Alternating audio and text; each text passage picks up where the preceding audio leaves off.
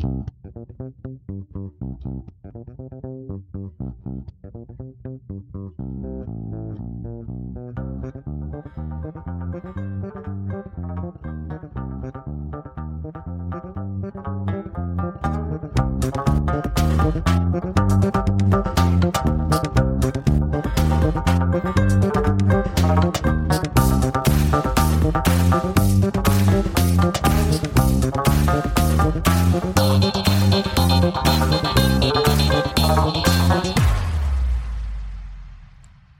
Vi klare for tredje episode av Pastoren og psykologen. Nok en gang skulle vi egentlig snakke om døden, men endte opp i Edens hage. Vi drøftet meningen med livet, skjebne og fatalisme, og vi prøvde å snakke minst mulig om fri vilje, for det temaet er så stort at vi må ta det en annen gang. Formen på samtalen mellom Rune og meg er foreløpig helt satt. Vi er ivrige begge to, og vi har mange spørsmål til hverandre som vi forsøker å formulere, dog noe vaklende. Målet er at samtalene våre blir mer spisset etter hvert. Vi vil tilstrebe å dykke litt mer spesifikt inn i enkelte spørsmål, men foreløpig registrerer vi at vi flyter litt fra det ene temaet til det andre. Vi har ingen målsetning om å lage en stringent plan for hver episode. Vi ønsker en uformell og hyggelig samtale om ting som opptar oss begge, men etter hvert håper vi altså å holde oss litt mer til bestemte temaer. Hvis du har innspill eller kommentarer til det vi snakker om, er du hjertelig velkommen til å melde inn disse til pastoren at webpsykologen.no. Hvis du liker podkasten, hadde vi blitt veldig glad for tilbakemeldinger i iTunes. Her kan du rate denne podkasten og gi den stjerner og eventuelt en kommentar.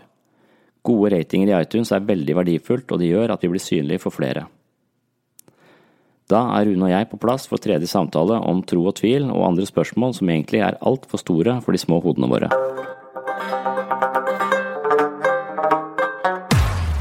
Velkommen til tredje episode.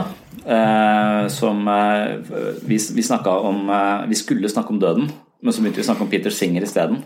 Eh, så derfor så forlot vi Vi, vi pensla rundt døden, men vi, det var ikke nødvendigvis det vi fokuserte på hele tiden, så vi tenkte at vi måtte ha en, eh, en, ny, en ny, mm. runde på det. Og det kan godt være vi ikke treffer døden i dag heller. Kanskje vi ikke tør. Nei, tror, Johan er så skummel. Jeg tror eventuelt til de som lytter, at eh, sånn må det være veldig overbærende med oss. For vi tar det litt sånn at vi prater for en god prat, og så er det mm. egentlig det som er tanken. At vi, at vi egentlig bare kjaser om litt dypere ting enn vær og vind, og så får vi en god samtale om noe, noen poeng. Ja. Så det blir ikke veldig strukturert, tenker jeg i dag. Nei, nei, nei, nei spørs det, altså. Eh, men det var mange ting jeg tenkte på eh, fra forrige gang som jeg var interessert i å, eh, interessert i å snakke om. Og,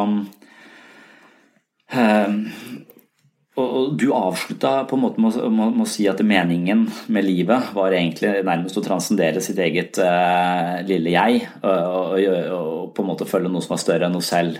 Mm. Um, og da kan man si at, og jeg mener at psykologien er sånn delvis enig I hvert fall deler av psykologien kan være enig i det eh, Det er mange, mange som vil ha store motforestillinger, men at det å være mest mulig i balanse og være i mest mulig harmoni med seg selv, gjør oss rausere. Vi har råd mm. til å gi andre plass. Vi har råd til å eh, ikke gå til motangrep med en gang, men kanskje forstå det litt dypere. så at vi Mm. Vi, er ikke, vi, er ikke, så fanga oss sjøl. Så det å klare å innta et, det å være mer og mer altruistisk og mindre og mindre egoistisk gir oss et bedre liv. Det gir oss et mer harmonisk liv. Det er mer kjærlighet og mindre hat. Mm.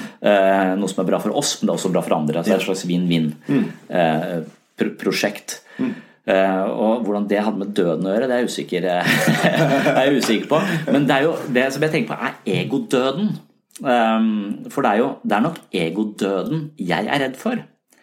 Uh, og, og, det betyr jo rett uh, Egodøden er jeg redd for i den forstand at jeg, at jeg, er redd for å drite meg ut også. For det på en måte uh, det, det, gir en sånn det skaker egoet mitt, det, jeg blir, skammer meg og, og, og så videre. Så ego, egodød kan man forstå på den måten. Altså, men man kan også forstå egodøden som en mer sånn buddhistisk variant. At vi virkelig opphever ego. Vi skjønner at det, ego er det dramaet som vi kaller livet. Det er der vi prøver å gjøre det, prøver å gjøre det. Og, og, og på en måte sliter oss ut. Da. At det er uh, virkelig samsara, som det kanskje kalles. Eller det er eh, det slitsomme livet. Mm. Eh, det er der alle friksjonene er, det er all smerten er. Det er all eh, vi, vi, vinner og taper om hverandre, mm. på en måte. Mm. Det er kampen. Mens det vi egentlig er, er en sånn bakenforliggende bevissthet. Og bevisstheten er alltid bevissthet om noe annet enn seg selv, og det er dette da ego. Mm. Så, og, og, det jeg kanskje kan være redd for når det gjelder døden, er nok at jeg er egoistisk. Jeg er identifiserer meg med tankene, følelsene mine og det som er meg. Og det har jeg ikke lyst til å tape. Vel vitende om at jeg taper hver kveld, på en måte når jeg legger meg. Eh, og det er altså sånn når ateisten snakker om døden, eller agnostikeren eh, eller New Age-personen eh, snakker om døden, så er det ofte de kan snakke om bevissthet på denne, på denne måten at jeg kan tenke meg at nå er jeg liksom i en type bevissthetsmodus hvor jeg er meg, jeg heter det og det, jeg er utdannet det og det, jeg snakker med deg. Vi, Eh, vi har denne samtalen, men idet jeg eh, sovner i, i, i, kveld, så tenker jeg litt på dette, men så plutselig så løsrives jeg litt og er ikke bare meg lenger. Mm. Det å være meg kan plutselig Jeg kan endre fasong, jeg kan eh, nesten endre person, jeg kan mm. forflytte meg fra sted til sted. Altså, da er jeg i drømmen. Mm. I drømmen så er min identifisering med meg selv mer løsere. Bilder og fornemmelser kommer om hverandre, og jeg er ikke like forankra i jeg heter det og det, jeg er det og det, jeg er pappa, jeg er sånn og sånn. Alle mm. disse tingene de forsvinner litt. Og så kommer jeg inn i dyp drømmeløs søvn, og da forsvinner hele ego eller tankene osv. Og, så og da er jeg bare bevissthet mm. uten objekt.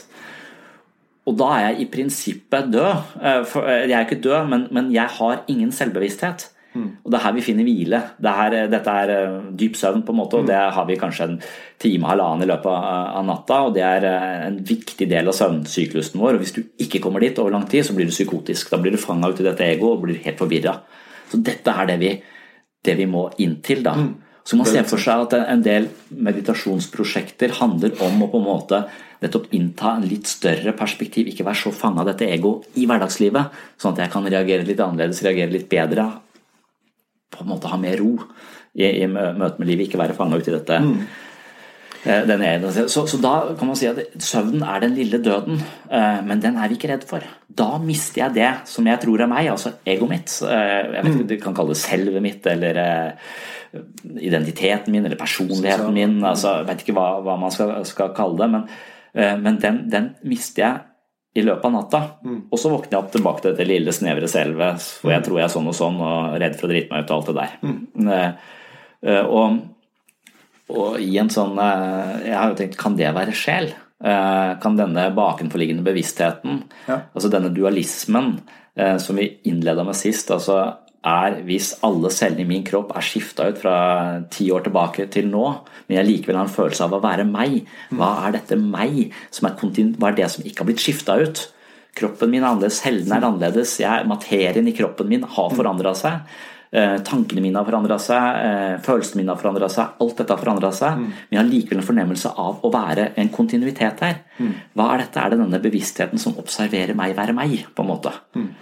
Eh, og, og, og, og, vil det overleve døden? Er dette sjelen? Er dette det metafysiske? Mm. Er, det, er, det, dette som eh, Jeg lurer på om David Chalmers er en sånn bevissthetsfilosof som mener at det, bevissthet er et eget slags grunnstoff. Eh, som er helt annerledes enn eh, alt vi kan se i, eh, i fysikken. Så dermed så kan vi ikke redusere mennesket til, til, bare biologi, for da går vi glipp av denne metafysiske, litt the hard problem, som man kaller det. Hva er dette? Mm. Kvalia, eller denne opplevelsen av å være oss.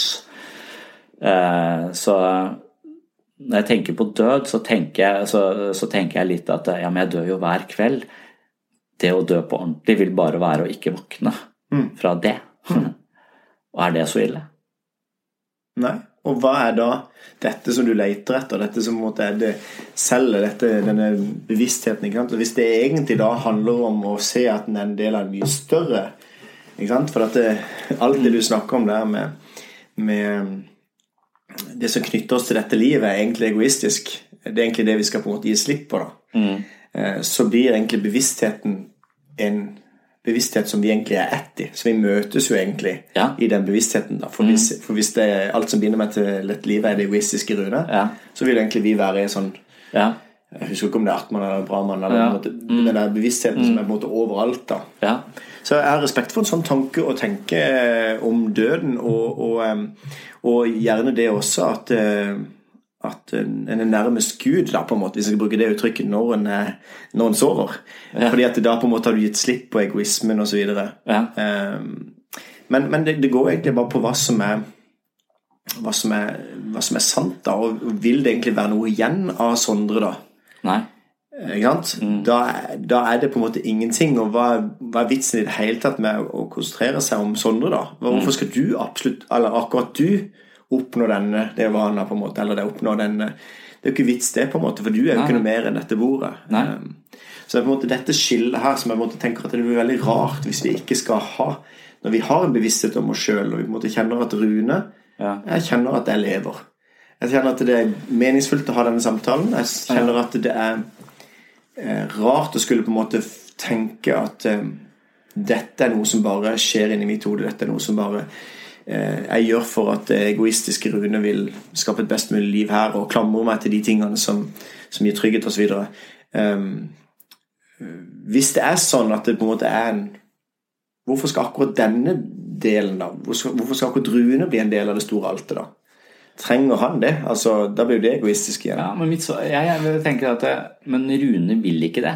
Eller, eller, Nei, derfor så klamrer han seg til dette livet, ikke sant? Ja, og, og, og, Rune kommer ikke til å bli en del av det store uh, altet. Fordi at, um, fordi at det du identifiserer som, uh, som Rune, er et sett av minner som ja. er mer eller mindre korrekte. Det er en eh, selvbiografi, det er en, eh, et reaksjonsmønster som du er tillært for du hadde de og de foreldrene, og du har de og de genetiske disposisjonene. Så alt det mm. du har lært å kjenne som deg selv og tror på, det er på en måte det, er det, det du har eh, det er din identitet. Mm. Men den er i psykologisk forstand allerede eh, sannsynligvis ganske feilaktig. At du er en hel haug av ting du tenker om deg selv som ikke stemmer. Mm. Uh, så, så, alle disse feilene og manglene Ego er bare rett og slett en uh, vrangforestilling, eller full av vrangforestillinger, om hvem vi uh, egentlig er.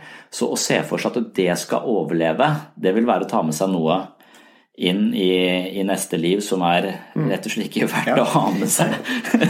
Eh, eh, så, så, så, alt det vi tror er oss, eh, og, og, dermed så blir denne ideen, den kristne ideen om, om, om et liv etter døden litt for sånn materiell, da.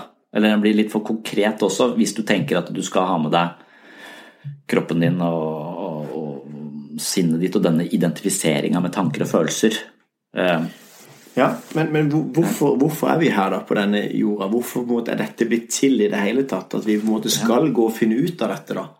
Hvis det på en måte bare er sånn at du likevel ender opp i det store altet likevel, på en måte. Altså, hva, ja. Hvorfor er det denne samsara, hva er det du kalte det i stad? Som, hvorfor er vi her? Ja, det... Hvorfor bare endte vi ikke opp i en uh, fantastisk smørje alle sammen i Storalt? og for, måtte, ja, man kan si eh, Hva er meningen med ditt liv? Er det å finne ut at det ikke handler om deg? og At du skal på en måte bli Så er det mange likestrekk i forhold til det med meg som kristen altså, ja. Men Nei, jeg, jeg, jeg, er jo tilbøyelig til å si at det er meningsløst, da. Ja. Uh, og, det er min største frykt. Jeg, jeg er redd for døden. Jeg er nesten enda mer redd for meningsløshet. Ja for disse mellom mer eller mindre naturalistiske tankene om mm. at det kun er eh, materie i interaksjon. Mm. Det, og at den følelsen jeg har av meningsfylde, er noe jeg tilskriver det i kraft av en sånn språklig finurlighet jeg har, som gjør at jeg kan oppleve å ha selvbevissthet, så jeg, så jeg kan oppleve det som meningsfullt. Men det er bare også bare en illusjon. Jeg er like mye materie og animalsk som alt annet. Ja. Og det er, trist, eh, det er et trist eh, perspektiv, syns jeg. Eh, men så er det mange som syns at det ikke er et trist perspektiv. At det er frigjørende å vite at dette er det livet vi har. Og når vi dør, så dør vi. Det er slutt på en biologisk prosess. Og så, ja. så er det så, sånn det er.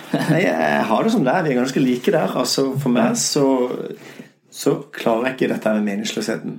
Nei fordi at det, det bare å tenke at dette bare har oppstått, ja. og det er ingen hensikt med det, det bare skjedde ja. At uh, denne for 13,7 milliarder At uh, Big Bang skjedde, og det på en måte har vært en evolusjon og ditt og datt. Det bare, skjedde. mm. Det er ikke noe hensikt med det, og målet vårt er da å skape en mening for vår egen del. Mm. Hvorfor skal jeg skape for min egen del hvis ikke det er noe mening? Nei, for det er litt sånn Sisyfos-myten, litt sånn Camus-aktig. Vi driver og ruller denne steinen opp og, opp på opp, og så ruller den ned igjen. Og, og det er det vi driver med. Alle livsprosjektene våre er bare varianter av uh, et meningsløst steinrullingsprosjekt. Ja. Uh, Men da har jeg lyst til å si, da er jeg med på deler av det. At det er det som på en måte verden da skaper dette eh, Altså forteller oss hva meninga med livet er. Det blir en sånn en opplevelse at du på en måte jager etter penger, sex og makt. eh, Ja. Og så på en måte opplever vi at det, gang på gang det er ikke mening i det.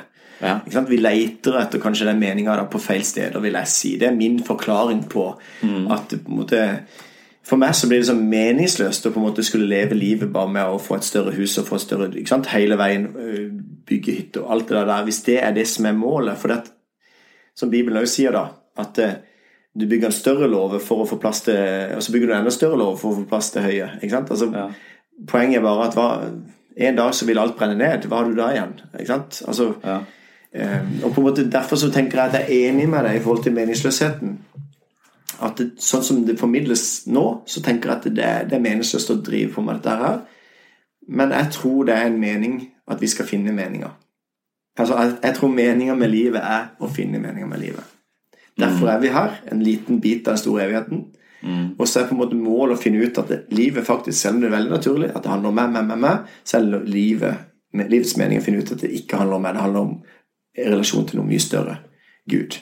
Ja. Der hvor du snakker om dette store som på en måte vi blir en del av, dette alltid, denne bevisstheten som vi blir en del av, så tenker jeg at ja, det er det vi gjør. En større bevissthet. Men samtidig så er det noe sant, sånn som jeg er. Både med mine gode ting og mine dårlige sider. Begge deler er riktig. Jeg er for så vidt usikker på det store altet. Altså. Jeg, jeg, jeg, sånn- jeg, jeg kan også tenke meg at det, at det rett og slett ikke er noe at det, Bevissthet er ikke noe annet enn det hjernen produserer. Så det er slutt. Eh, eh, ja, så det, er- så det er slutt. Eh, så hvorfor hjernen er bevisst, er ikke som vann er vått. Det er ikke, Ja. det er ikke et spørsmål som er Det er bare sånn Ja, sånn er det. eh, Men det er bare, det er ikke sånn er- mer mening. Nei, det gir ikke noe mer mening. Det er. Eh, så, så, så dermed så, så, så kan man liksom fra en sånn posisjon bare si at det, livet er fullt av masse forskjellige spill som folk spiller for å gi Ja. livet mening. Ja. De spiller det online, eller om du spiller det i Frikirken, eh, eller eh, Det kan godt være noen som spiller meg akkurat nå. på børsen. Tenk på det. Ja, det har jeg tenkt mye på, faktisk. At vi er bare en simulering. Ja, ja. Ja. For det er noen som sier det spiller meg nå. Det er derfor jeg Ja, og, ja, men Det er et argument som sier at det er mest sannsynlig at vi bare er en simulert virkelighet. eh, ja. Et annet, ja. Men det, det kan vi ikke begynne, det blir, det blir for vanskelig å snakke om. Men, men si, at, si at da ser jeg bare på, eh, på, på religion som et eh, interessant eh, spill som fyller det livet vi har, med et, eh, et innhold.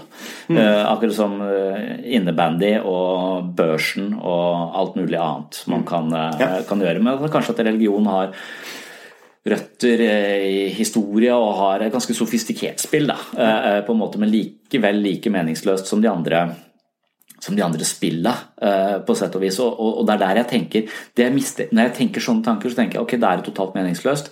Eh, Det er eh, Vi bare driver med ting for å få en illusjon eller en slags illusorisk følelse av, av mening, og det, det, det er dystert.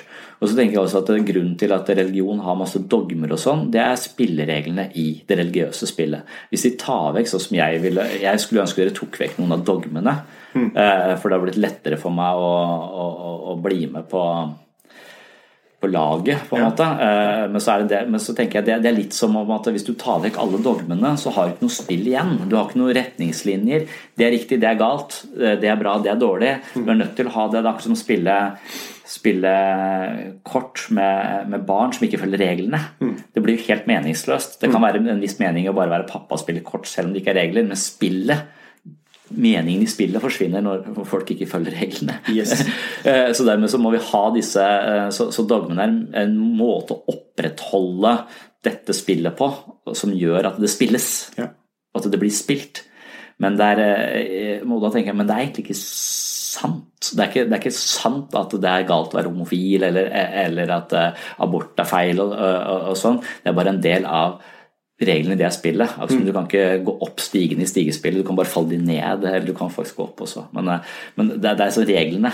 Ja. Eh, og det kan vi gjerne komme inn på en annen samtale også i forhold til akkurat disse reglene. For jeg tenker jo sånn at eh, hvis det er sant at Gud fins, mm. så er det fint for meg å forholde meg til den virkeligheten som han forteller. Og da på en måte ja. kommer en del spilleregler. Mm. Hvis ikke det er sant, så er det ikke nytt å forholde seg til de spillereglene. Eh, men poenget er at en kan gjerne si at religion og, og, eh, dette er måte ting som vi får for å skape på en måte mer eh, levelig verden, eller levelig tilværelse for oss. Mm. Men, men, men, det er jo akkurat det samme en gjør når en på en måte avskriver Gud. da. Eh, på en måte Fordi at det skal bli mer levelig, og for at en på en måte skal kunne um, slippe å forholde seg til noen leveregler som ikke jeg liker, eller slippe å forholde seg til at det er noe som er større, og slippe å forholde seg til alle de tingene, så kan det godt være at en gjør det samme. At en da eh, avskriver dette med Gud. At det også blir et spill, da. Ja, et uh... Ja, altså på en måte Hvis det er en virkelighet, at det faktisk er noe som står bak, og noe som har skapt dette, ja. uh, sånt, så vil også et spill være da at nei, dette er bare alt. Dette er det, det, er ikke noe mer enn det vi kan se og måle og veie. Ehm, når livet er slutt, så er det slutt. Ja. Ehm, men Faren er vel at det er sant, eller? At, de er... at det er sant? Ja. ja. det er en fare med det, men det er også en fare ved at det faktisk er sant at Gud står bak alt. da. Det er jo en fare ved det også. Ja, Det er ikke så farlig, føler jeg kanskje. Eller det kan Det kan være veldig farlig, det. Ja, Det kommer jo an på eh, hvordan han er. Han er. Ja, men, han er sånn som i Gamle Testamentet, så er det jo forferdelig vanskelig. Hvis du vil uansett da forholde deg til at hvis du velger å kalle det ene for en, en overlevelsesmekanisme, så du, må du også kunne si at det andre er en overlevelsesmekanisme. Det er mye lettere å forholde seg til at ikke skal forholde seg til Gud, eller ikke forholde seg til spilleregler, men at det bare dette er alt. Og så har en da en naturvitenskapelig forklaring. Eh, og det er også alt. Men, men, det å kun ha naturvitenskapelig forklaring, det kan ikke jeg skjønne hvordan gir mennesker mening. Og det er jo det også vi har hatt en samtale på før, at eh, hvis, hvis dette med fri vilje, f.eks., bare er en illusjon. Så hvorfor snakker vi sammen i det hele tatt? Hvis vi kommer fram til at alt er en eh, At vi er programmerte maskiner eller høyestående dyr, da, så, eller alt bare går automatisk. Hvorfor gidder vi å sitte og snakke sammen? Hvorfor, snakker, hvorfor søker vi etter denne meninga? Hvorfor stiller vi spørsmålene? Hvis du, hvis du innser det, så er det bare å gjøre som du vil. Så kan du gjøre alt som er til det bedre for deg, men og så vil du bli bra av å være mer altruistisk mot andre, eller tenke altruistiske tanker. Men, men, eh, men hvorfor? Det er jo det som er hele spørsmålet. Hvorfor er vi her? Og mening det henger veldig sammen med døden, tenker jeg. Ja, det, det tenker jeg også at det gjør. Og, og, og, svaret på det spørsmålet i mine mørkeste stunder er vel bare at det er et desperat forsøk på å unngå dødsangsten som uh, kommer med erkjennelsen av at uh, livet begynner, livet slutter, og that's, uh, that's it. Mm. Det er jo typisk sånn Irvin Yalom som har skrevet en, en psykiater og skrevet om, om, religion, mener jo at, at, religion oppstår for å stange dødsangst. Ja. Og jeg vet, husker ikke hva Plato Plato sier vel noe om dette, altså at det også lære å leve er å akseptere døden, på en måte, eller lære å dø.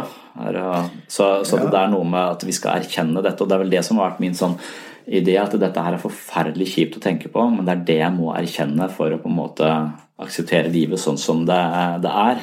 Og så klarer jeg ikke det sånn som Per Fugli, som har gått bort, eller mm. og, og, jeg føler ikke at livet, sånn som, sånn som disse eksistensfilosofene som sier at livet blir eh, det er, det, er, det er på grunn av døden at livet blir meningsfullt. Uh, jeg, jeg, kan godt se det. altså øh, jeg husker hun Kaja Mell som snakket om at ja, det er, det er, godt med kake. Jeg kan godt ha ett, to, tre stykker, men på det fjerde stykket så blir jeg kvalm. Og Sånn er det med livet også. Det er godt med livet, men hvis du får for mye av det, så blir du kvalm. Mm. Og da, da, vil du Det skjønner ikke jeg. Altså, du kan jo like kake i all uendelighet, men du trenger ikke å spise alle stykkene på en gang. Eller jeg vet ikke helt. Eh, og det husker han Ole Martin Moen, eh, filosof på, eh, på universitetet, han sa at jeg, han forsto heller ikke helt dette. Altså at livet er meningsfullt fordi det er endelig. Mm. Så hvis vi tar dette, men hvis vi ser at livet går inn i evigheten, så er det meningsløst. Men hvis vi tar dette livet og forkorter det, så blir det meningsfullt.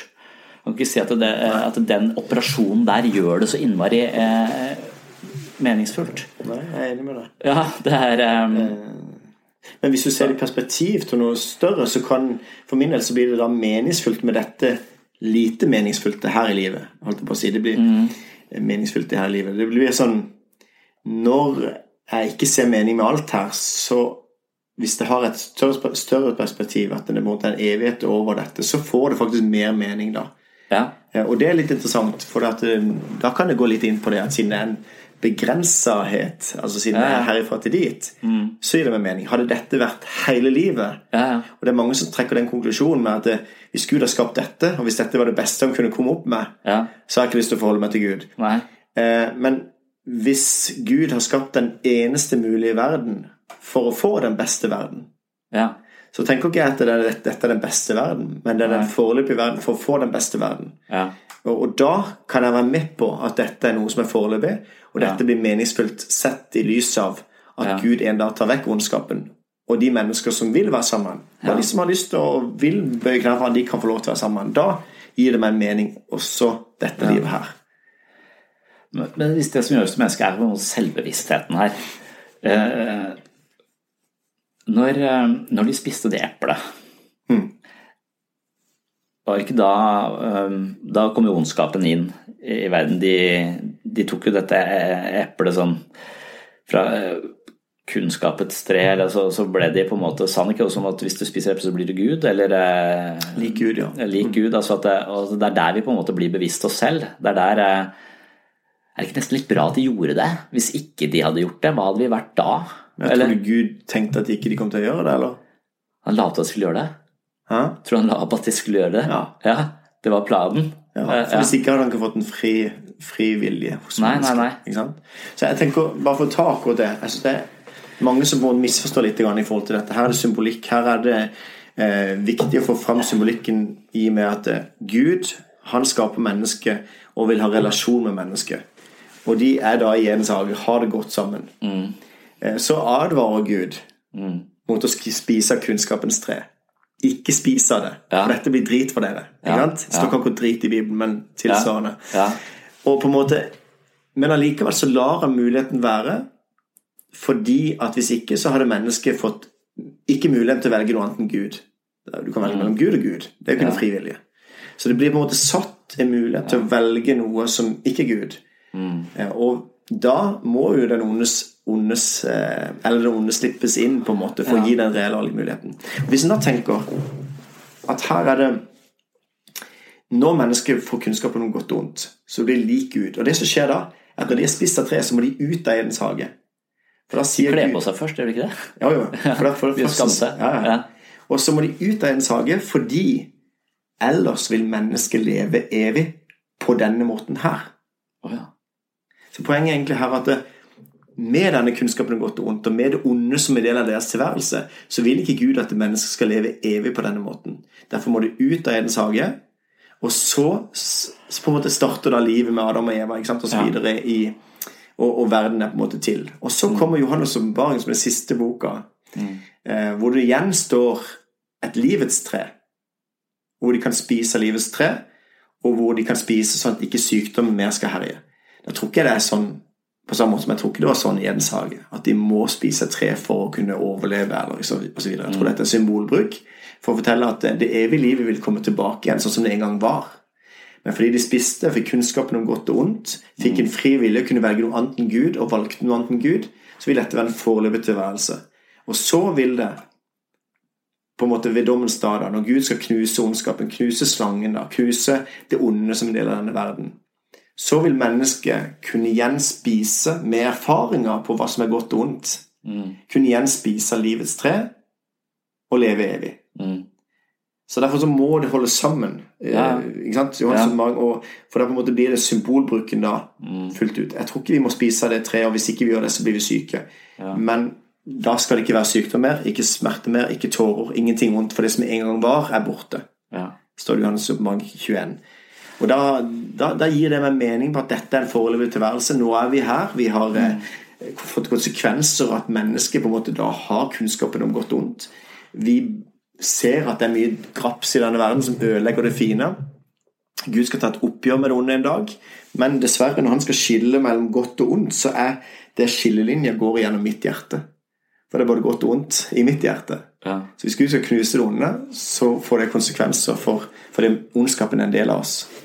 Og da handler det kristne budskapet om at eh, en da sier at Gud tilgi meg, eller jeg trenger din hjelp, og så vil Jesus da ta på straffa som jeg skulle hatt på seg. Og da kan jeg få en evighet pga. at Guds kjærlighet og hellighet kan eh, forenes i korset. da.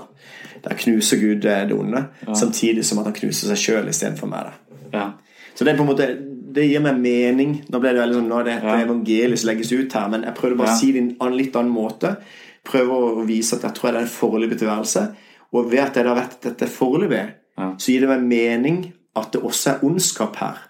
Ja. Selv om noen ikke får det til å gå opp med hvordan kan Gud være en kjærlig Gud. Ja, Men da gir det mm. mening at dette er en foreløpig tilværelse. Hvis dette skulle vart hele livet ut, og at dette var livet, eller dette er evigheten, så kan jeg være enig med mange av disse og si at hm, jeg vet ikke om det er så veldig deilig. Nei. ikke sant? Ja. I hvert fall, Nå er jo jeg heldig som har det godt, men mange av de som da ikke har det godt, ja. så er jeg glad i å kunne fortelle at det, dette er den slutt på. Mm. Dette er den ender på. Dette, Sorgen skal ikke være mer. Og Det er det som skjedde for mm. slavene, som på en måte ja. synger sanger om frigjøringa en gang i framtida. Ja. Eh, himmelen, da er det der vi fri, videre. Ja. ja. Følte meg litt som en pastor her. Ja, ja. Du er jo pastor, så uh, Nei, men jeg, jeg, jeg Frivillig tror jeg vi må snakke om en annen gang, for det Jeg tror vel heller ikke at vi har noe frivillig sånn uh, sånn uavklart på det spørsmålet òg, som på alle andre spørsmål. Men, ja, men det er vanskelig. Du sitter her da, hvis ikke du frivillig? uh, nei, men jeg har, har, jo ikke frivillig, så jeg blir jo bare plassert her, på en måte. Av uh, årsaker som ligger utenfor uh, min bevissthet. Ja. Men, men, hvis Gud har planlagt alt, det er jo en slags determinisme i det òg, da. Uh, har ikke planlagt alt. For det er nettopp dette at mennesker har fått en frivillighet til å se om de vil være sammen med Gud eller ikke. Ja, for, for hvis han veit alt som skal skje, så er det jo det også en form for Det er fatalisme. Skjebnetro. Ja. Jeg tror ikke det. Det er islam som har mye mm. mer sånn skjebnetro, inshallah, hvis alle vil. Mm. Så jeg, jeg, har ikke tro på det, men jeg har tro på at Gud faktisk da har skapt Mm. Ikke en verden med nikkedukker, men en selvstendig verden som ja. sjøl tar valg, og på en måte sjøl mm. må ta konsekvensene av de valgene de tar. Ja. Og, det, og, det, og, det, er der liksom psykologene i meg kommer inn og, og, og sier at det, Men de valga der, eh, som vi skal ta, ja. eh, de er vi eh, ikke kompetente til å ta. Nei, det er bedre for disse, disse kunstig intelligente til å, å ta de. ja, ja, ja. Så, så men kanskje ikke gå inn på fri vilje, men jeg mener at de valgene mennesker tar altså Grunnen til at folk er hos meg og i psykoterapi, er jo fordi at de, de gjennom et langt liv har tatt uh, gjentatte valg som ikke har vært uh, optimalt for dem. Og så er det mange små feiltrinn har blitt mm. et stort problem ja. til slutt. Uh, og de handler på måter som skader dem selv. Mm. Og at vi tenker at ja, men det det er jo alle mulige forskjellige psykologiske skoler som på en eller annen måte tenker at du har noen algoritmer inni huet ditt som gjør at du handler på den og den måten fordi at du ble oversett som barn. Eh, du følte at det var din skyld at foreldrene dine skilte seg. Eh, du føler at du er skyldig. Du har det perspektivet i møte med nye mennesker. Du føler deg alltid at eh, du må la andre gå foran deg selv. Du blir kommer bakerst i køen. Så at valgene du tar, er styrt av den ideen du har fått om deg selv, og den ideen er ikke sann. Den ideen er bare eh, en, eh, en tolkning som du gjorde som barn, eh, som, du... som gjentar seg. Så, så, når du da ikke når du, når du da gjør ting som er galt for deg selv eller galt for andre, så kan du egentlig ikke klandres for det. Verken i en psykologisk forstand eller ja, fordi jeg tenker at er, den frie viljen jeg har, er minimal. Da. Da, da sitter du utenfor og ser at her er noe som er gått galt. Og så går du inn og på en måte vil være med å korrigere den skjebnen da, som på en måte et menneskeliv er. Hvis en tenker at skjebnen ville ført sin vei med det mennesket, men så tror jo du faktisk at dette mennesket er så verdifullt at du har lyst til å på en måte se at dette er feil. Du tenker feil om det. Ja. Og så går du inn og så, går du inn, og så får du de til å se at noe har gått galt på veien. Men på min arbeidsplass så er jeg Gud. Ja, så, det er jo det. så jeg er ganske omnipotent. Ja, ja. Ikke noe mer eller mindre. Men, men, det er det som er interessant for meg. da Hvorfor skal du inn og korrigere det? Hvis på en måte skjebnen, eller hvis bare da ikke vi har fri vilje Hvis det er sånn at det på en måte bare ting skjer osv., hvorfor kan ikke de bare få lov til å, å, å gå videre på det, i den tankerekken? Hvis det er det som egentlig er meninga med det livet der, da. Ja, men jeg vil, vil, vil tenke at jeg er rett og slett bare en annen biljardkule som ruller over dette eh, bordet og skaker inn i de. Ja, men Får du en litt elitistisk tankegang da, hvis du tenker at du egentlig ser bedre enn den andre personen hva som er best for deg i livet? Nei, men jeg ser jo egentlig Jeg er bare en biljardkule. Jeg også. Ja, det, ja, men du vil jo være med å påvirke. Du, ja, men er, illusjonen er at er, jeg vil det eller ja, gjør det. Du er jo køen som skyter for å på en måte prøve å få andre ting til å skje. Nei, nei det, er, det, er, Big Bang. det er Big Bang, ja. ja, det er Big Bang. Så alt er forutbestemt fra, fra, Big Bang. Og hvorfor, ja, hvem, så, så Gud må være biljard... Tror du på dette? Tror du på dette? Alt er lagt fra Big Bang. vanskelig å men, men jeg, jeg, tror at vi i hvert fall har mye mindre fri vilje. Jeg har vanskelig til å si at vi ikke har noe fri vilje i det hele tatt, men jeg tror vi har mindre enn vi eh, skulle tro. og Derfor føler jeg ikke vi er kompetent til å ta de veldig avgjørende valgene som får så innmari store konsekvenser for oss når det gjelder ditt livssyn. Nei. Altså Det kristne livssynet. altså At det er så mange mennesker som ikke er rusta til å, til å kan jeg få lov til å si en ting på den måten? Jeg tror mer er det at mennesker har mulighet for å si nei takk til Gud, enn at de skal si ja til Gud. Jeg tenker at Mennesker som ikke er rusta til å si ja, jeg tenker at de er innlemmer. Men at, at, Gud ikke ønsker mennesker å tvinge dem til å på en måte være sammen med Han. Men at de skal få mulighet til å si nei. da. Mm. Så, så, med sånn respekt for mennesker, da, at han elsker mennesker så høyt at han vil ikke tvinge mennesker. for Det er ikke kjærlighet. Ja. Så at mennesker har mulighet for å si nei takk, jeg, jeg klarer meg sjøl, jeg, jeg, er Gud. Ja, jeg klarer meg selv. Ja. Men jeg bare synes det er interessant at du som terapeut og psykolog er på en måte da ser deg sjøl som en biljardkule som tilfeldigvis treffer deg, så det er egentlig grunnen til at du er den biljardkula, det er bare for at du skal kunne overleve og ha et yrke og, og, og få penger inn til din familie osv. Og, så og så er det egentlig ikke noe mer mening i at du tilfeldigvis treffer de, som gjør at de kanskje skifter litt endring, eller kanskje ikke de skifter endring. Og jeg skifter litt endring. Ja. Alle. Ja. Men det er det jeg tenker er. Ja. Hvis, du, hvis du hadde sett deg mer sånn at her kunne du få lov til å og se at jeg tror ikke det er riktig, det synet du har av det bildet du har av deg sjøl. Noen kan ha for store tanker om seg sjøl, noen kan ha for, for mm. lave tanker om seg sjøl. Og så tror du faktisk at det fins noe imellom der som er det beste for det mennesket. Mm. Og så har du lyst til å være med og stille spørsmål og være med og, og korrigere, sånn at de kan få en mer riktig vei. De som har for store tanker om seg selv, de kommer ikke i behandling uh, hos meg. For de, det, de, tror at de vet best selv. De blir presidenter. Mm. De som tror dårlig om seg selv, de kommer eh, til oss.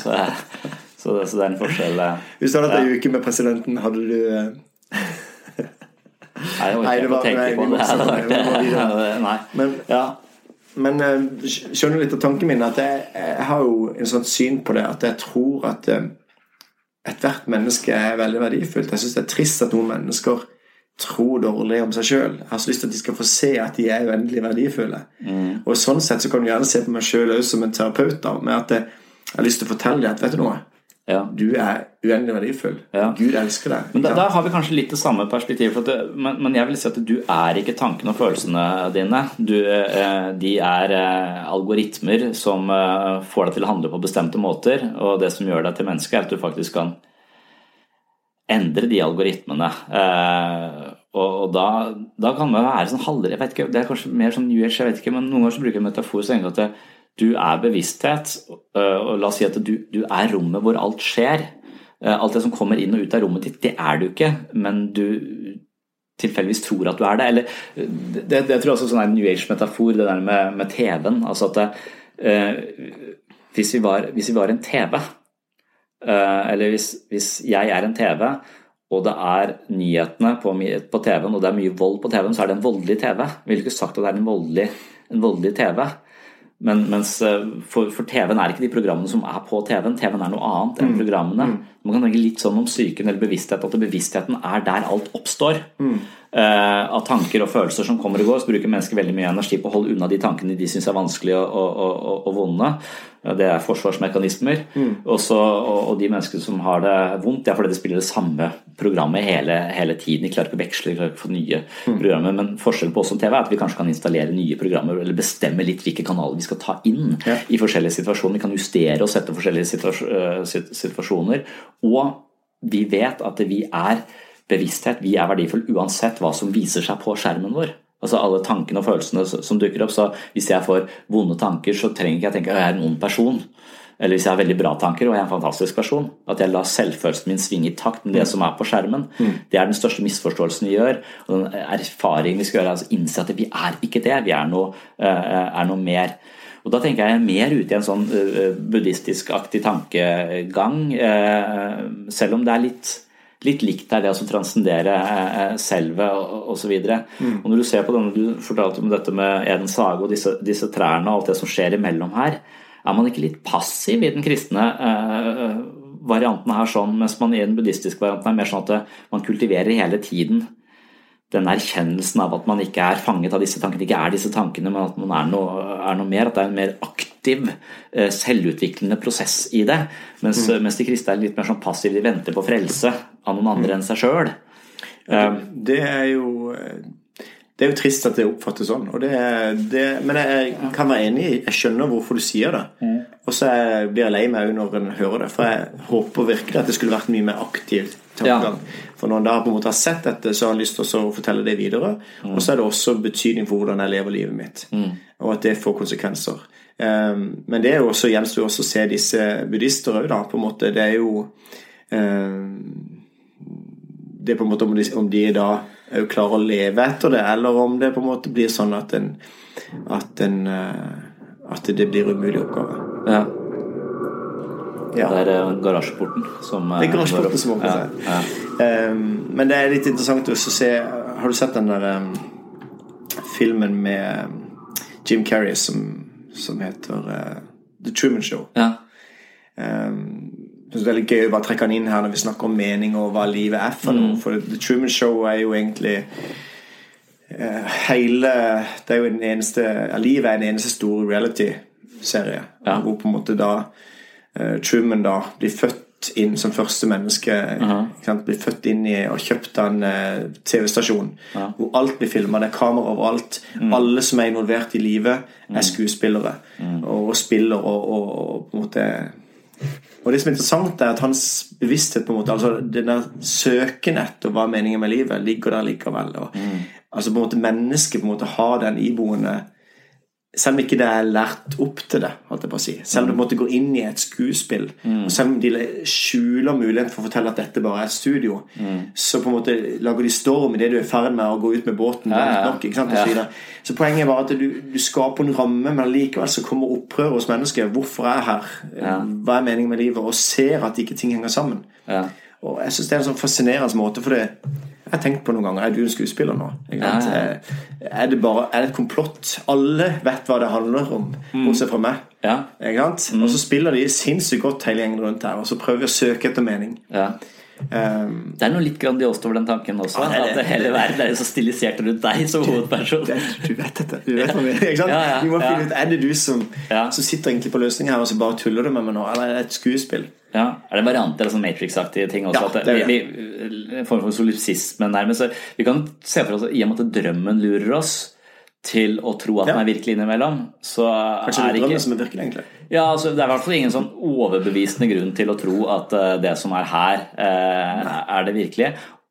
Og man vil jo også i, i, noen ganger si at vi kan jo aldri egentlig erfare virkeligheten. Det vi erfarer, er vår egen mentale modell ja. av det vi uh, ser. Så, så, når jeg ser betrakter deg, så, så, er det jo min mentale modell av deg jeg mm. betrakter, og ikke deg sånn som du faktisk er. Ja.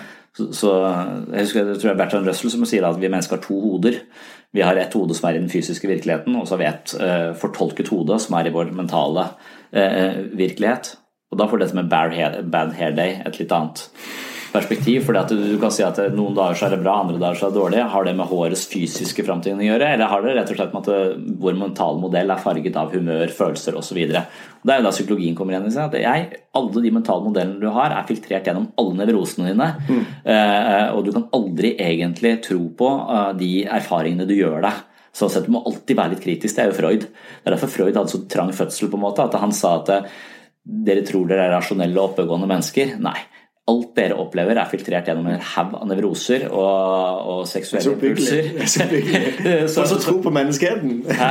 Ja, for så tro på menneskeheten. Det er den søken mot sannhet. Da, mm. Eh, for da er det at du skal jo, jo flere jo mer av det ubevisste eh, kreftene som farger alle dine eh, opplevelser av, av, av, verden, jo mer du kan avsløre av de, jo mer autentisk vil du leve, på en mm. Vel vitende om at du aldri kan leve til 100% av det, som kan være mer eller mindre knytta til det som faktisk er, og ikke helt i en sånn uh, verden av vrang, vrangforestillinger. Så. Men Det er kjempeinteressant da når du sier det at dette her kan være For du sier at det er dyp søvn, og så har du drøm, og så mm. har du dette livet her. Men det kan også være det et enda på en måte mer autentisk liv, på en måte som egentlig at dette er en sånn mellomfase. Dette. Ja, eller at vi bare er en simulering, som du var inne på. Simulering. ja. Av, at, av, eller ja, ja, ja, Men det er det som er interessant, da. Og da tenker jeg det at dette er en, en, en foreløpighet, da. Uh, og det, jeg tenker det Jeg klarer ikke å finne mening uten at det er noe mening med livet, da. Nei, jeg, jeg jeg skjønner hva du mener. Eh, du har brukt masse tid nå, så jeg er veldig glad for det. Er en ting til, en siste ting jeg har lyst til å Og vi kommer sikkert til å komme inn på dette igjen. Men um, en person som gjorde stort inntrykk på meg, er han Ole Martin Moen. Uh, som er uh, professor i filosofi som er inne på, inn på Blindern, som jeg traff på en filosofifestival. og uh, Han var en fantastisk klok og sympatisk person, men han skremte meg også litt. Uh, og, og, han er jo det man kaller en transhumanist. Uh, og når jeg har skrevet om religion, så har jeg hatt et kapittel som heter 'At Gud hater teknologi'. Uh, er en overskrift. Okay. Og, og, Gud hater teknologi under den fanen at eh, jo mer vi klarer å fikse på egen hånd, jo mindre trenger vi Gud. Altså Teknologien gjør mirakler. Uh, Gud gjør ikke mirakler eh, uh, lenger, på sett og vis. Og, ja, liksom og God, God, of the Gaps-tankegang. Ja, det kan være litt God of the Gaps, men, men hva hvis man ser for seg at at det som kalles nanoteknologi eller CRISPR-teknologi eller genterapi, genmodifisering på et eller annet tidspunkt kan redigere genene våre sånn at vi kan reversere aldringsprosessen og i prinsippet leve lenge eller evig, da. La oss si for tankens skyld at man kunne levd eh, evig fordi at vi har knekt noen koder her. Ja. På, på, YouTube så er det den her Immortal Jellyfish. Har du sett den? Det, det, det er rett og slett en, en, en glassmanet hvor cellene ikke degenereres sånn som de gjør hos mennesker, så den har egentlig i prinsippet evig liv. Den er dømt til å gjøre sånn her i all evighet. Så når mennesket da får jorda til å gå eh, rett ad dunda, så tenker jeg det kommer til Å, endelig! Nå slipper jeg dette her i all, i all evighet. Så, men, men, hva vil det ha å si for en, eh, for en eh, kristen tankegang at eh, mennesker plutselig kan leve dobbelt så lenge, mye, mye lenger, eh, eventuelt eh, evig? Altså, vi har ja, men det er dette som er så interessant. Altså, hvorfor, eh, hvorfor vil de leve evig? Hvorfor er på en måte lengselen etter på en måte det? Og, og, jeg tenker eh, Det er jo ingen utfordring i forhold til eh, kristen tankegang på dette. Jeg skjønner ikke det Gud hater teknologi-tankegangen for den. Eh, men er det ikke noe hybris over dette her? Noe sånn eh, Mennesket tror det er Gud, og mennesket agerer som Gud, og mennesket nå faktisk har eh, teknologiske muligheter til å være Gud. La oss si vi kan både skape liv, redigere liv, forlenge liv alle disse egenskapene som vi, eh, som vi, måtte tilskrive en høyere makt, og ikke oss selv, vi plutselig har, eh, kan råde over på egen hånd. Nei, Det bare understreker for meg det samme, at mennesket har sjøl lyst til å være Gud istedenfor å bøye seg for Gud. Ja. Og på en måte da tar vi det, den, inntar vi den posisjonen som, eh, som kanskje Gud skal ha. Men jeg ser jo ikke noen utfordring. Jeg tror jo bare det er fantastisk at vi kan leve lenger. Men det som er interessant, uansett hvor langt du klarer å strekke livet, så vil du dø til slutt en dag. Eh, å leve evig, det vet vi jo på en måte at det er bare tull. Men at poenget, tankegangen, er at vi kan strekke det lenger og lenger. Eh, og så er det likevel slutt en dag. Eh, ser vi da på alderdom som en sykdom? Er det sånn at de snart ja. burde ha gått inn og på en måte helbreda den sykdommen på sykehusene? det er det at, som er ideen til disse en del av disse transhumanistene, ja. ja. ja. Og, og, eh, og, da tenker jeg at eh, jeg syns fugl i dag, på en måte med tanke på det å danse med døden, og på en måte omfavne døden som en del av greia, at det, det er mye mer sånn Dette er en helt naturlig prosess. Én av én dør foreløpig, da. Eh, og på en måte Derfor tenker jeg at det er en helt naturlig bit, som også er en helt naturlig bit i det kristne livssynet. Ja, det det, men jeg tenker det er naturlig for de som er kristne, men det er ikke så naturlig eh, for oss som ikke Nei, eh, nei og derfor får det ikke til å stemme. Derfor er det på en måte som at her blir det sånn jeg skjønner ikke, jeg klarer ikke å forstå at det er mulig å faktisk gå inn for en transhumanisme. Og måtte tenke at det er mennesker egentlig som, som Jeg skjønner at de vil leve videre. Jeg skjønner at ikke de har lyst når de har det fint og har lyst til å leve lenger. Mm. Men hvis du da tar konsekvensene av at du skulle leve lenger, så opplever du egentlig at du gjør de samme tingene. Du spiser bløtkaker igjen og igjen og igjen. Du blir egentlig lei av det. Du blir lei av den bevegelsen hele tida. Ja, så skjøn, ja. det er så mange forskjellige typer kaker. um, yes, og, og, det vil jo jeg jo si at det er så mange ting jeg har tenkt at jeg håper at jeg får lov til å leve lengst mulig, for det er så mye jeg har lyst til å oppleve. Ja, så, så jeg, er ikke, jeg er ikke bekymra for det at, jeg, at, livet skal slutte å få, uh, Nei, få innhold. vi. Uh, Men så. jeg opplever at den, den jagen, jaget en har etter evig liv, det jaget en har etter perfekthet, mm. jagen har etter å oppnå på en måte disse tingene som jeg tror bare ikke er selve målet eller meninga med livet. Ja. Det tror jeg er sånne mål vi setter oss for å Som bare rett og slett blir jag etter vind, da. Og som er også Bibelen da setter ord på. det for eksempel, Hele Forkynnerens bok ja. er jo egentlig bare en oppsummering på at det er jag etter vind. Hvor den klokeste mannen og rikeste mannen, han som hadde flest damer, er jo sikkert 700 damer. Jeg, jeg tenker ja, Det er jo masse apropos, eksempler på folk som har levd veldig lenge i Bibelen nå. Altså. Ja, ja, men apropos kakestykker og at du liker forskjellige kaker. Her er det en som hadde 700 forskjellige damer ja. på en gang, og på en måte har prøvd det. Ja. Og på en måte Allikevel konkluderer han med at alt er tomhet. Ja. Og på en måte rikdom her og makt og, og, og penger, sex og makt. ikke sant? Mm. Og så allikevel går vi i samme fella i Hollywood eller i, i Norge, eller hvor vi på en måte jager etter dette som vi tror er mening. Og så tror jeg jager etter vind. Vi, Får vi, får vi mye, så skal vi ha mer. Og så tror jeg det er en evig sånn Vi finner ikke mening der. Og da tror jeg den meninga med livet handler om å oppgi de rettighetene. Mm. Og så ser en da eh, at eh, det handler om noe mye, mye større. Og da får jeg verdi ikke fra hva jeg oppnår, men jeg får verdi i, i du vet, Guds stempel er i min panne. da, ikke sant? Og så um, ja, for Ole Martin Moen han er sånn bånd rundt handa hvor det står Alcor, hvor han fryses ned hvis ja. han eventuelt skulle legge på røret før de har kommet fram til teknologi som gjør at vi kan leve ja. E, evig. Du har et stempel i panna, han har et bånd rundt, eh, ja. Jeg vet ikke hva jeg skal ha. Jeg må finne ut av det. Nei, jeg, synes, jeg, har et pantemerke, da. Det er liksom litt sånn pantemerke som jeg gjør at når jeg, når jeg drukker den opp, da, så kan jeg inn i panteautomaten. Og så Det er litt morsomt for um, det er faktisk blitt brukt. Det er sånn reinkarnasjonsidé, det der. det er jo faktisk Han der Børresen ja, ja. som var på denne reklamepanting om dette. der, ja. Han sier blant annet det jeg skulle ønske jeg kunne pante sånn jeg var, jeg var tom. Og på en måte har liksom denne tanken med at det kan leve evig i forhold til Men, men uh, for meg så blir det meningsløst at det bare dette jaget etter disse tingene Vi vet jo at ikke noen er mer lykkelige hvis de får disse materielle tingene. Vi ser på barn i Afrika, de smiler mye mer enn oss. Det er mye høyere selvmordsrate i Norge enn andre steder. Det, altså, hva er meninga med livet? Og da tror jeg det handler om noe mye mer enn disse, at vi skal ja. leve evig, eller men ja, jeg skjønner det. Man kunne, kunne ikke si det samme tilbake. At, eh, at så lenge vi, vi, aksepterer at uh, livet begynner og livet slutter, og vi er bare en biologisk mekanisme som syns det er greit å leve, ja. og dermed så vil vi forlenge den prosessen så mye som, uh, ja, som, uh, som mulig.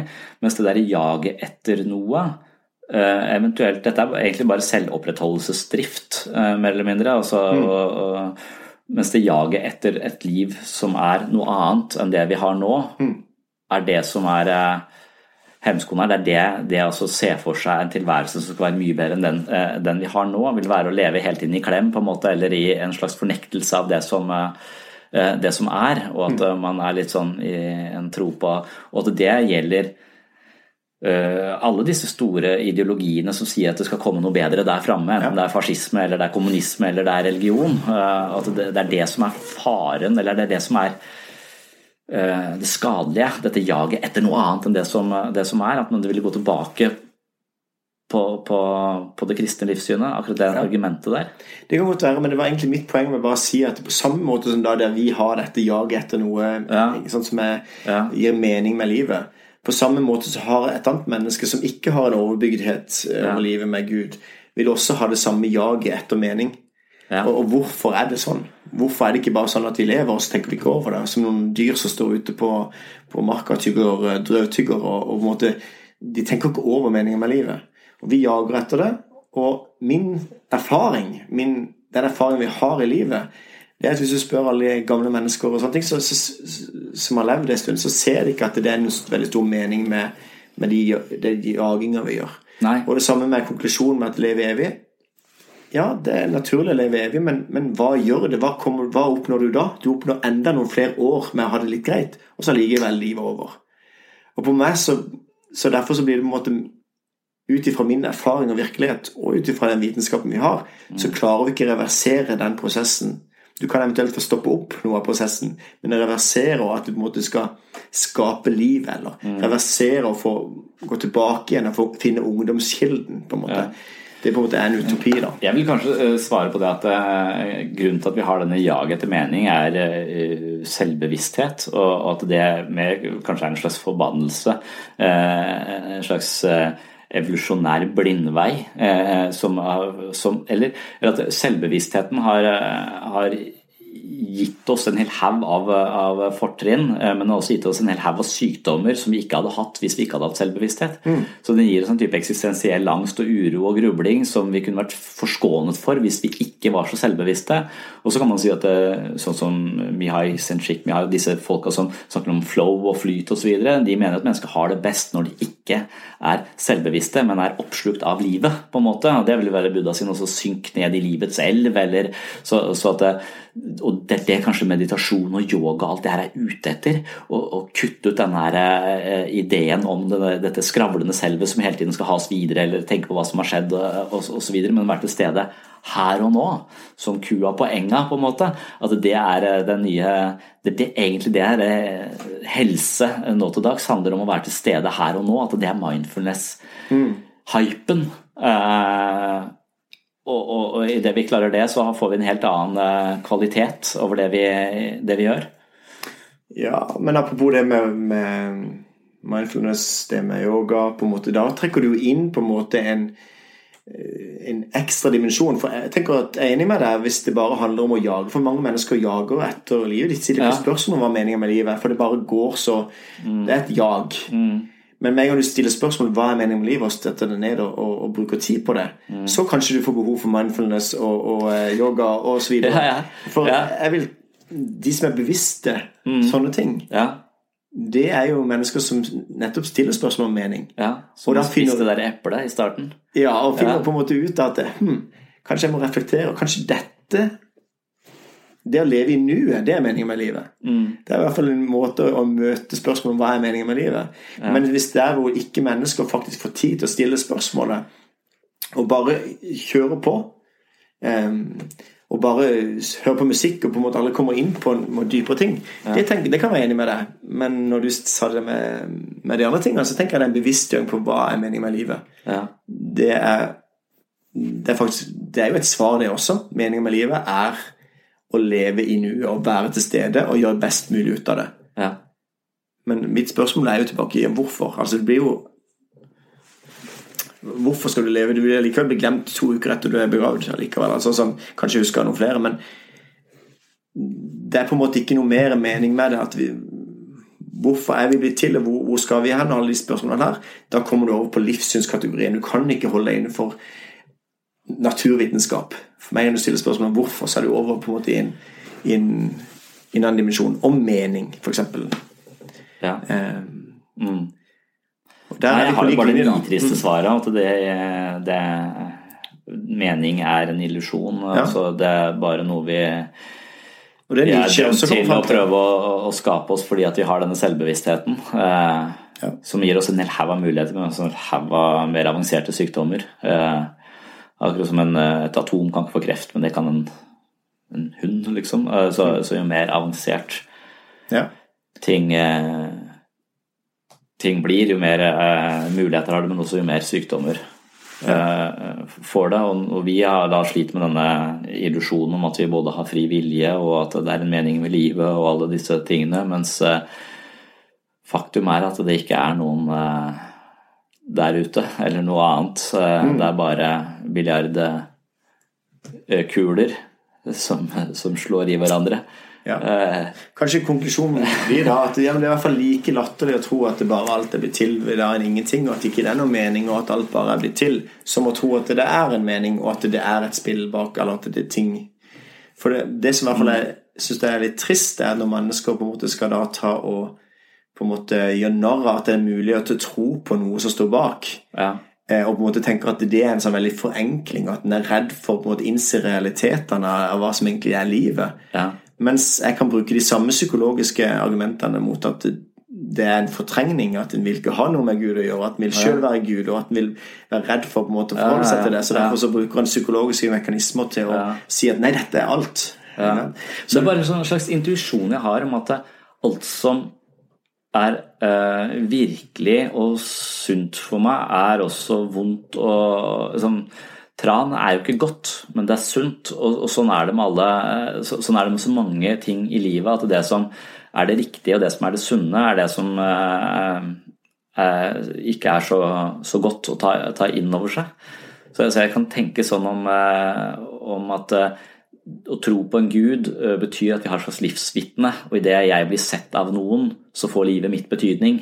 Og Hvis jeg ikke har hatt noen andre som har sett meg, så, så har jeg i hvert fall Gud som ser meg. Og sånn, på, i, i, det å bli sett og bekrefta, så får livet mitt så, så, blir det meningsfullt. Og da har du på en måte en universal ja, kilde til, uh, til, til mening. Mm. Samtidig som du tar brodden av dødsangst, og det gir livet en slags målsetning. Og, altså, det er så masse, eh, masse, gode ting ved å ha konstruert denne, eh, eh denne ideen om det, det guddommelige. Eh, eh, mens det er masse godt ved å tro at jeg er en fantastisk person, og, og det, kan, det, men det kan likevel være falskt. da.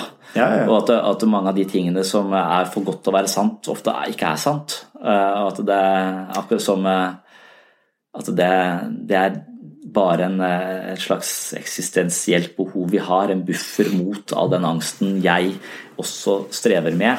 Men kan ikke det brukes motsatt vei òg? Det er jo for godt til å være sant at alt bare skulle oppstå da, av ingenting, er det ikke det? Er ikke det liksom sånn, For meg så blir det sånn for meg så krever det større tro og ikke tro. hvis du skjønner hva jeg mener. For meg så krever det større ja. tro at alt bare skjedde. Ja, og da kan Det være at det, det vet jo Det kan ikke vi på en måte vite, da, men vi må bare tro på autoriteter her. og da liksom ja, Hvem er autoritetene? Ja, ikke sant? Og det er sikkert forskjellige autoriteter fra ditt, uh, i, i, ditt liv enn i mitt liv. Så, så, alle de folkene jeg har hørt på, er jo skeptiske til at det fins noe, uh, noe, mer enn uh, biljardkuler. ja, så, de fleste jeg har hørt på autoritetene, er jo egentlig at en tenker at det er til ved en evolusjon. Ja, ja. Og, og det, det, er ikke noe problem for meg å tenke. Nei. Men problemet er å tenke altså, hvorfor skjedde evolusjon? Hvorfor er det en fremdrift? Hvorfor er det noe som utvikler seg til det bedre? Hvorfor er det altså, ja. hvorfor evolusjon? Hvem skapte det Big Bang, da? Eller hvem står bak det Big Bang? Eh, og det ja, jeg er sikker på at det, der, der, tenker jeg at det, der har han der Stephen Hawking en forklaring som jeg ikke forstår. Uh, eller, eller finnes noen av disse kosmologene eller fysikerne på en eller annen måte har skjønt noe med dette som, som ingen andre egentlig eh, kan forstå, men det finnes ja, men det er, gjør du en enkel måte på samme måte som at kristne av og til kan si ja, vi kan ikke forstå alt for Gud er mye større. Ja, men jeg tror det, er, tror det er noen som forstår det. Jeg tror bare ikke klarer å formidle det til, meg. Nei, da tenker du samme som Stephen Hawking, at han ja. er transcendent, men han, han, vet noe som ikke du Ja, men tror du ikke Jeg vet ikke helt Han er kanskje åpen på det. Han er vel ikke noen helt 100 uh, Stephen Hawking sier jo at det f.eks. frivillig er en illusjon. Ikke sant? For ja, ja, ja. Det er jo en av de tingene han sier. Og de fleste vitenskapsmenn forteller jo og begrunner jo universets opprinnelse med at hvis du bare har en uendelighet og mange nok mm. eh, tilfeldigheter og mange nok eh, muligheter, så vil du til slutt få et univers som er levelig akkurat sånn som det er nå. Men mm. så er multivers-tankegang som er utgangspunktet. Men hvorfor i det hele tatt eh, Med en gang du stiller spørsmålet hvorfor, så er du over i livssyn.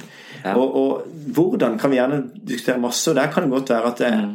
jeg har jo ingenting studiepoeng i fysikk eller biologi, Nei. så jeg skal ikke snakke noe om det. Nei, ikke heller. Ja. Men det jeg tenker med en gang vi stiller spørsmål, og det er jo vitenskapen også veldig tydelig på, at med en gang vi stiller spørsmål om hvorfor, så begir vi oss over på et annet felt som handler om livssyn, og hvordan, hvordan eh, Og da er det enten et naturalistisk livssyn, som gjerne kan være bakenforliggende en evolusjon, mm.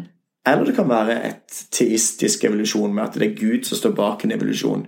Men uansett med en gang hvorfor vi er til, og alle de spørsmålene her, så er du nødt til å gå vekk fra det som vi kan måle og veie. Mm. Um, og da syns jeg det er like um, altså, like naivt på en måte å, å, avskrive Gud som å ta med Gud. Ja. Og like kan begrunne like mye psykologien med at en ikke vil ha noe med Gud å gjøre, eller frykter Gud, som at en frykter eh, døden og prøver å lage en krykke og en trøst for livet. Ikke sant? At religion er noe vi lager for at vi for at det skal være lett å leve dette livet her. Ja. Eh, da, for meg så blir det sånn ja, Når jeg sier det til andre, så sier de eh, Hvorfor tror du vi fant på helvete, da? For det er jo ikke noe lett å, å, å forholde seg til. Så at, at religion er sånn, sånn fortrøstning eh, som tar brodden av, eh, av angsten vår, Eh, da det hadde vært kanskje et relevant argument, men siden det finnes mm. det motsatte også, så, så gjelder det ikke.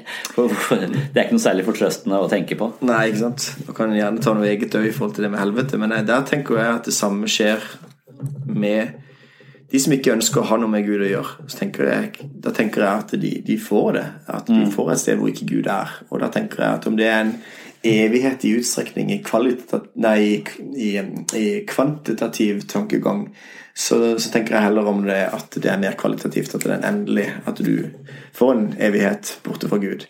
Så det, jeg tenker ikke at det skal være Nå kommer vi litt inn på noe annet her, men, men poenget mitt var bare å um, Jeg tror Gud har så respekt for mennesker som, som da ikke ønsker å ha noe med han å gjøre, og da blir den på en måte den naturlig for mennesket er at en da søker egen vinning, søker sjøl skal Gud, sjøl bestemme. ikke sant? Ja, ja. Og at det blir, kan forklares psykologisk ja. med at de ikke ønsker å ha noe med Gud å gjøre. På samme måte som at det kan forklares psykologisk at en vil ha noe med Gud å gjøre. Så liksom, Da må vi heller se på hva som er sant, og hva som er hva som ligger bak på en måte det vi tror. Og da er det kanskje min konklusjon at det er like naturlig å tro på Gud som å ikke tro på Gud ut ifra naturvitenskapelig ståsted, f.eks. Ja. Og så kan vi se på erfaringer og mange andre ting. Mm. Selv om det var litt irriterende, så tror jeg du får siste, siste ord. du går inn og legger inn noe etterpå nå. ja. det han sa der, stemmer ikke fordi uh, Nei, ja. det ikke det. Men, uh, men, vi snakkes jo igjen, ja, så da, da, kan vi fortsette. så takk for i dag. Og som vanlig veldig spennende å snakke med deg. Altså. Ja. But it has done things to your soul. Your soul. Nothing. Nothing whatever.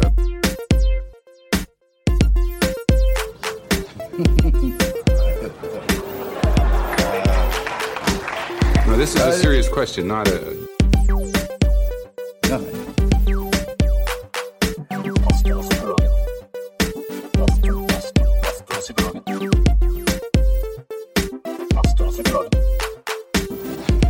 Takk for at du hørte på Pastoren og psykologen.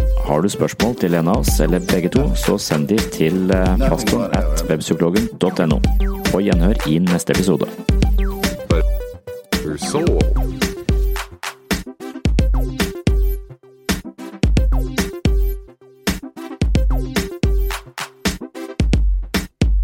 earth is full of them. Sorry, but that's the way I see it.